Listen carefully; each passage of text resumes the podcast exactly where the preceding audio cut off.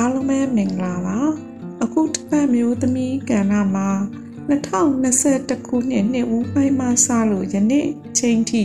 ကျမတို့အမျိုးသမီးများရဲ့ကြက်ခိုင်သည့်ခွန်အားတတိများနဲ့မိမိတို့ရဲ့ဘဝတွေကိုဘယ်လိုတည်ဆောက်ခဲ့ကြရဲဆိုတာပြည်သူများသိရှိနိုင်မှု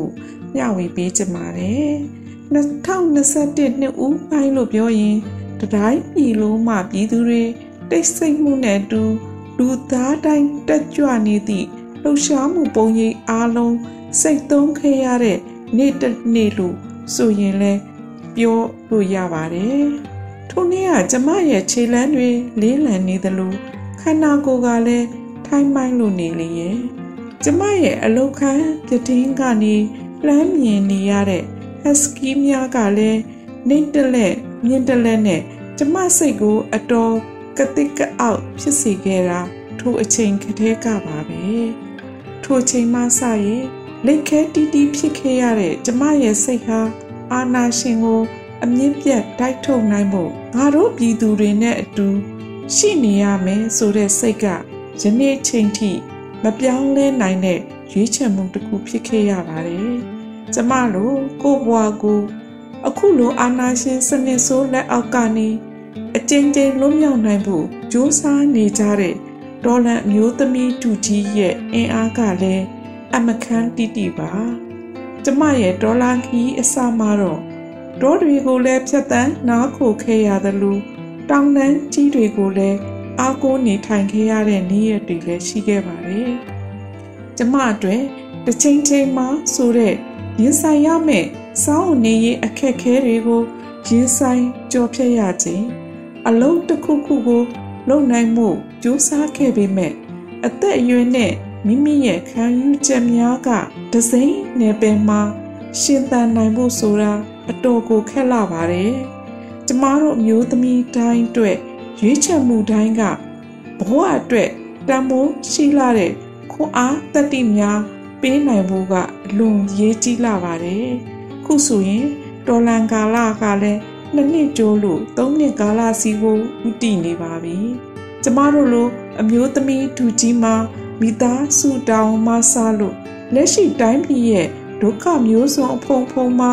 နေရာပေါင်းစုံကနေတော်လှန်ရေးအောင်နိုင်ဖို့မိမိတို့စွမ်းနိုင်သမျှကိုအားကုန်ယုံလို့ပြည်သူနဲ့တသားတည်းရှိနေကြတာယနေ့အချိန်ထိပါပဲ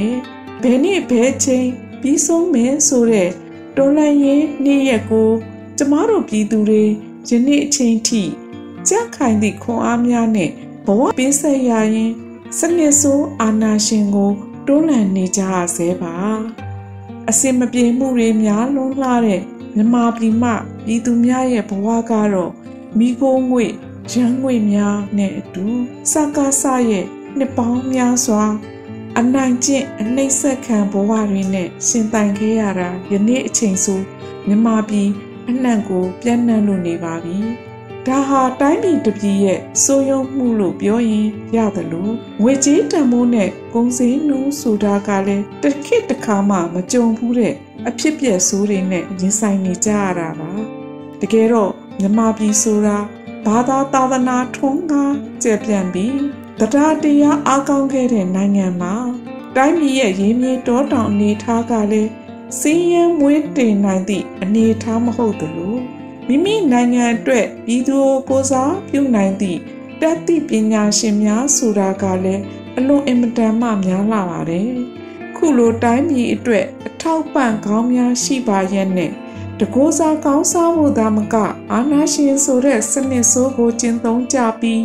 ပြည်သူကိုအကြိမ်ကြိမ်ဆင်းရဲတွင်ပို့လို့ဒုက္ခမျိုးစုံခံစားစေခဲ့တာ အခုလက်ရှိဖက်စစ်အာဏာရှင်တွေဆိုတာပြည်သူကလက်ခံထားကြပြီးလဲဖြစ်ပါတယ်။အခုလိုလက်ခံထားကြလို့လဲတော်လန်ရေးဆိုတာကြီးအမြင့်တီလို့ရှင်သန်ခဲ့ရတာပါ။ဒါကိုအခုချိန်ထိပြည်သူကလက်မခံနိုင်တာကိုဖက်တွယ်နေကြတဲ့အာဏာရှင်များကတော့မကုံမချင်းဆိုတဲ့လက်နက်အားကိုနဲ့တက်တန်းတိုးလို့တိုင်းပြည်ကိုလှည့်စားရင်းဖြစ်စည်းနေတာနှစ်တွေလည်းများလာပါပြီ။ ဒီလိုအကြိမ်ကြိမ်ပြည်သူလက်ထက်မှာရှိနေတဲ့ပြည်သူအာဏာကိုအလွယ်တကူလက်နဲ့အားကိုနဲ့သိမ့်ပိုက်ခဲ့လို့လဲအခုဆိုရင်ပြည်သူဒေါ်လန်စစ်တွေနေရအနှံ့မှာအာနာရှင်ကိုတော်လှန်ကြရင် အောင်မြင်မှုတွေတဆင်ပြီးတဆင်သို့ရောက်ခဲ့ရပါပြီ။ကျမတို့အမျိုးသမီးတူကြီးကလည်းယနေ့အချိန်မှာရခင်ကထက်တော်လှန်စစ်နဲ့အတူမိမိတို့တာဝန်ကိုပို့ပြီးကြံ့ခိုင်ဖို့အတွက် စိတ်သက်ခွန်အားများကို